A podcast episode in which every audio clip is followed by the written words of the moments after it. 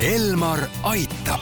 Elmar aitab saate toob teieni pereoptika, kogu pere prillipood tere, head kuulajad, eetris on Elmar Aitab ja kui me eilses saates rääkisime koolilaste silmade tervisest, siis tänasel teemal jätkame.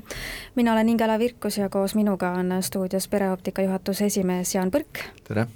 pereoptika optometrist Laura Tõnov. tere! ning Essilori prilliklaaside tootespetsialist Margo Tinna. tere!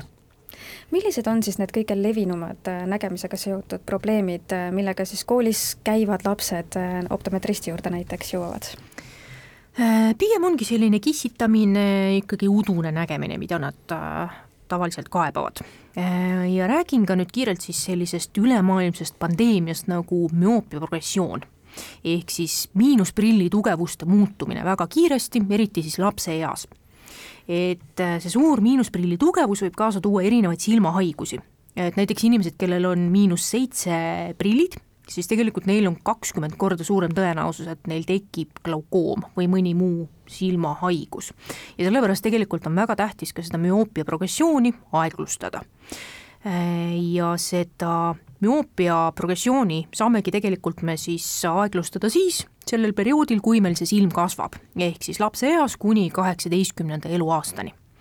ja selleks äh, on siis äh, selline nii-öelda meie poolt pakutav, Eestis pakutav variant, äh, spetsiaalsed prilliläätsed mis need tähendavad, spetsiaalsed prilliläätsed, kuidas nad spetsiaalsemad on kui, kui teised prilliläätsed? müoopia progressioonil on tegelikult äh,, ei olda täiesti kindel, miks see tekib äh,. üks probleem võib olla siis see, et et äh, meil tekib silmapõhjas selline hüperoopiline nihe, et meil on kogu prilliklaas ühe tugevusega ja see on siis see, mis võib teda nii-öelda põhjustada või see üks nii-öelda põhjuseid. Äh, ja sellepärast ongi siis olemas spetsiaalsed äh, prilliläätsed, kus on perifeerias tegelikult teine tugevus võrreldes sellega, mis on siis nii-öelda siis prilliklaasis otse vaadates. et siin on nagu see vahe, et silm ja aju koostöös saavad aru, et äh, mida silm peab rohkem tegema. ehk siis, et kui sul on äh, aktiveeritud ainult üks osa sellest silmast, et siis aju, aju noh, kontrollib kogu seda silmatööd, siis ta toimetab selle silma kallal niimoodi, et see silm areneb ja kasvab niimoodi, et tal need muud alad, alad oleksid ka nagu äh, kaasatud. nüüd äh, müoopia kontrolliga silma, ütleme, lääts on selline, mis, äh, mis teatud mõttes aktiveerib muid alasid, et silm kasvaks ja areneks normaalselt, ehk siis meie meie noh, kasvuperioodil ikkagi aju kontrollib seda meie tegevust ja kui stiimul on teistsugune, siis silm areneb teistmoodi. Et need variandid on, on olemas ja on olemas ka see Äh, ütleme, lahendus nendele inimestele, kellel tegelikult see müoopia teema võib-olla ei ole enam nii palju kontrollitav, aga läätsed iseenesest on sellised, mis sobivad ähm, erinevat tüüpi lastele, laste vanustele, mis on, mis on ette nähtud äh, noh, kus on see optiline kvaliteet sellisel määral tõstetud, et et see on seoses lapse kasvu, vanuse, tema nägemis sellise stiili ja, ja toimetustega, et see optika on niimoodi läätses sätitud, et, et see on teatud vanuses lapse jaoks kõige sobilikum. ja see on nüüd selle digitaalse maailma võimalus, et, et ma toon väikse vahemärkusena, et vanasti äh, lihtsalt äh, tehti silmaarstide soovitusel äh, lapsele natukene nõrgemad need prilliklaasid, kui laps tegelikult vajas, aga noh, selle kasutegur on väga väike võrreldes sellega, mida nüüd need digitaalse nagu töötlusega ja digitaalsete võimalustega loodud klaasid võimaldavad. et jah, tegelikult see nii-öelda meelega nõrga prilli väljakirjutamine, ta isegi ei ole kasutegur, ta on natukene kahjutegur.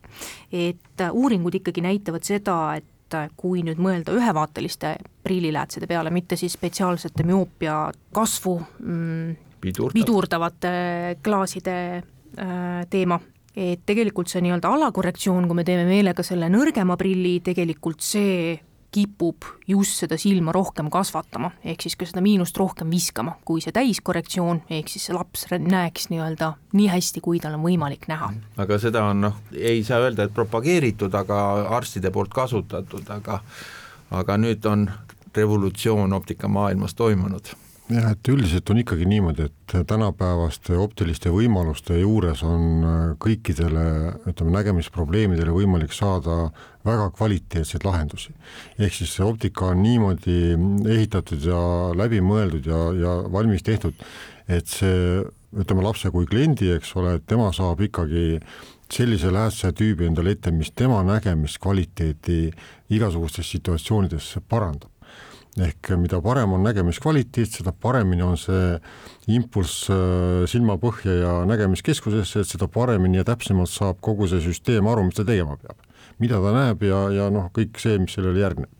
ehk ta on palju dünaamilisem, kogu see nägemine ja, ja palju täpsem kui Laura mainis, et väga täpselt ei saa öelda, et mis seda müoopiat siis tekitab või põhjustab, siis ta on ikkagi ainult äh, lastehaigus, et täiskasvanutel müoopiat ei teki? ikka äh,, lihtsalt enamasti tekib see miinusprilli vajadus ikkagi lapsepõlves, harvem täiskasvanu eas. Aga kas on siiski teada mingid riskitegurid või midagi, mis võivad selle teket soodustada? ongi selline vähene nii-öelda väljas viibimine, ehk siis tegelikult see soovitus on see, et vähemalt kaks tundi päevas peaks ikkagi laps veetma päikese käes see tähendab seda, et äh, laps veedab päisse käes õues, vaatab kaugemale, tegutseb avarama ja suurema ruumiga, ehk tema nägemissüsteem on rohkem hõivatud sellise kompleksse nägemisinformatsiooniga, mis on nagu nägemissüsteemile parem versioon kui see, et laps on kodus, vaatab ainult lähedale kogu aeg. et siis saab organism sellest nagu teistmoodi aru, sellest impulsist et välja, lapsed välja. Jah, et äh, tegelikult äh, kui me sellele olukorrale, kus me praegu oleme, tõsisemalt nagu otsa vaatame, siis me näeme, et äh, veel kümme aastat tagasi ju ei olnud seda lähedale vaatamise suurt nii-öelda vajadust, aga, aga tänaseks on see mm, nii-öelda käepikkuse äh, noh, nagu vahemikus hästi palju nagu seda lähi, lähitööd, nii et nii täiskasvanutel kui lastel ja ja noh, meie optikakauplustes tunneme, et sellega tuleb meile tööd juurde.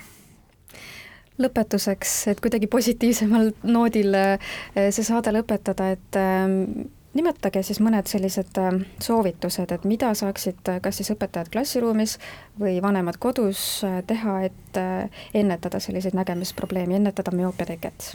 et üks asi on siis rohkem lapsed välja. ja tegelikult, mis on ka selline väga hea soovitus, on see, et lapsevanem võiks ise näidata seda head eeskuju. ehk siis mitte visata need lapsed lihtsalt ise välja, vaid ikkagi minna ja kas või teha väljas sporti, käia jalutamas ja nii edasi ja mina tooksin hoopis ühe hoiatava seisukoha välja, et need probleemid tegelikult ise ei parane. et kui nendega ei tegeleta, siis tegelikult nad ainult süvenevad ja, ja see on nüüd küll kurb teade jah, ja see, et, et noh, paljudel lapsevanematel on ka võib-olla see see komme või noh, ütleme, see annab teatud mõttes hõlpu, et kui sa annad lapsele ikka ekraani ette, siis ta seal on vait ja vagusi ja toimetab ja nii suuremad kui väiksemad lapsed, et siis siis ma mõtleks, et seda mitte väga kergekäeliselt ikkagi teha. aga rõõmustav on see, et, et on lahendused olemas aitäh teile saatesse tulemast ja nõu andmast, äh, Laura Tõnav ja Jaan Põrk Pereoptikast ning Margo Tinno Issilarist. Elmar aitab. Elmar aitab saate toob teieni pereoptika, kogu pere prillipood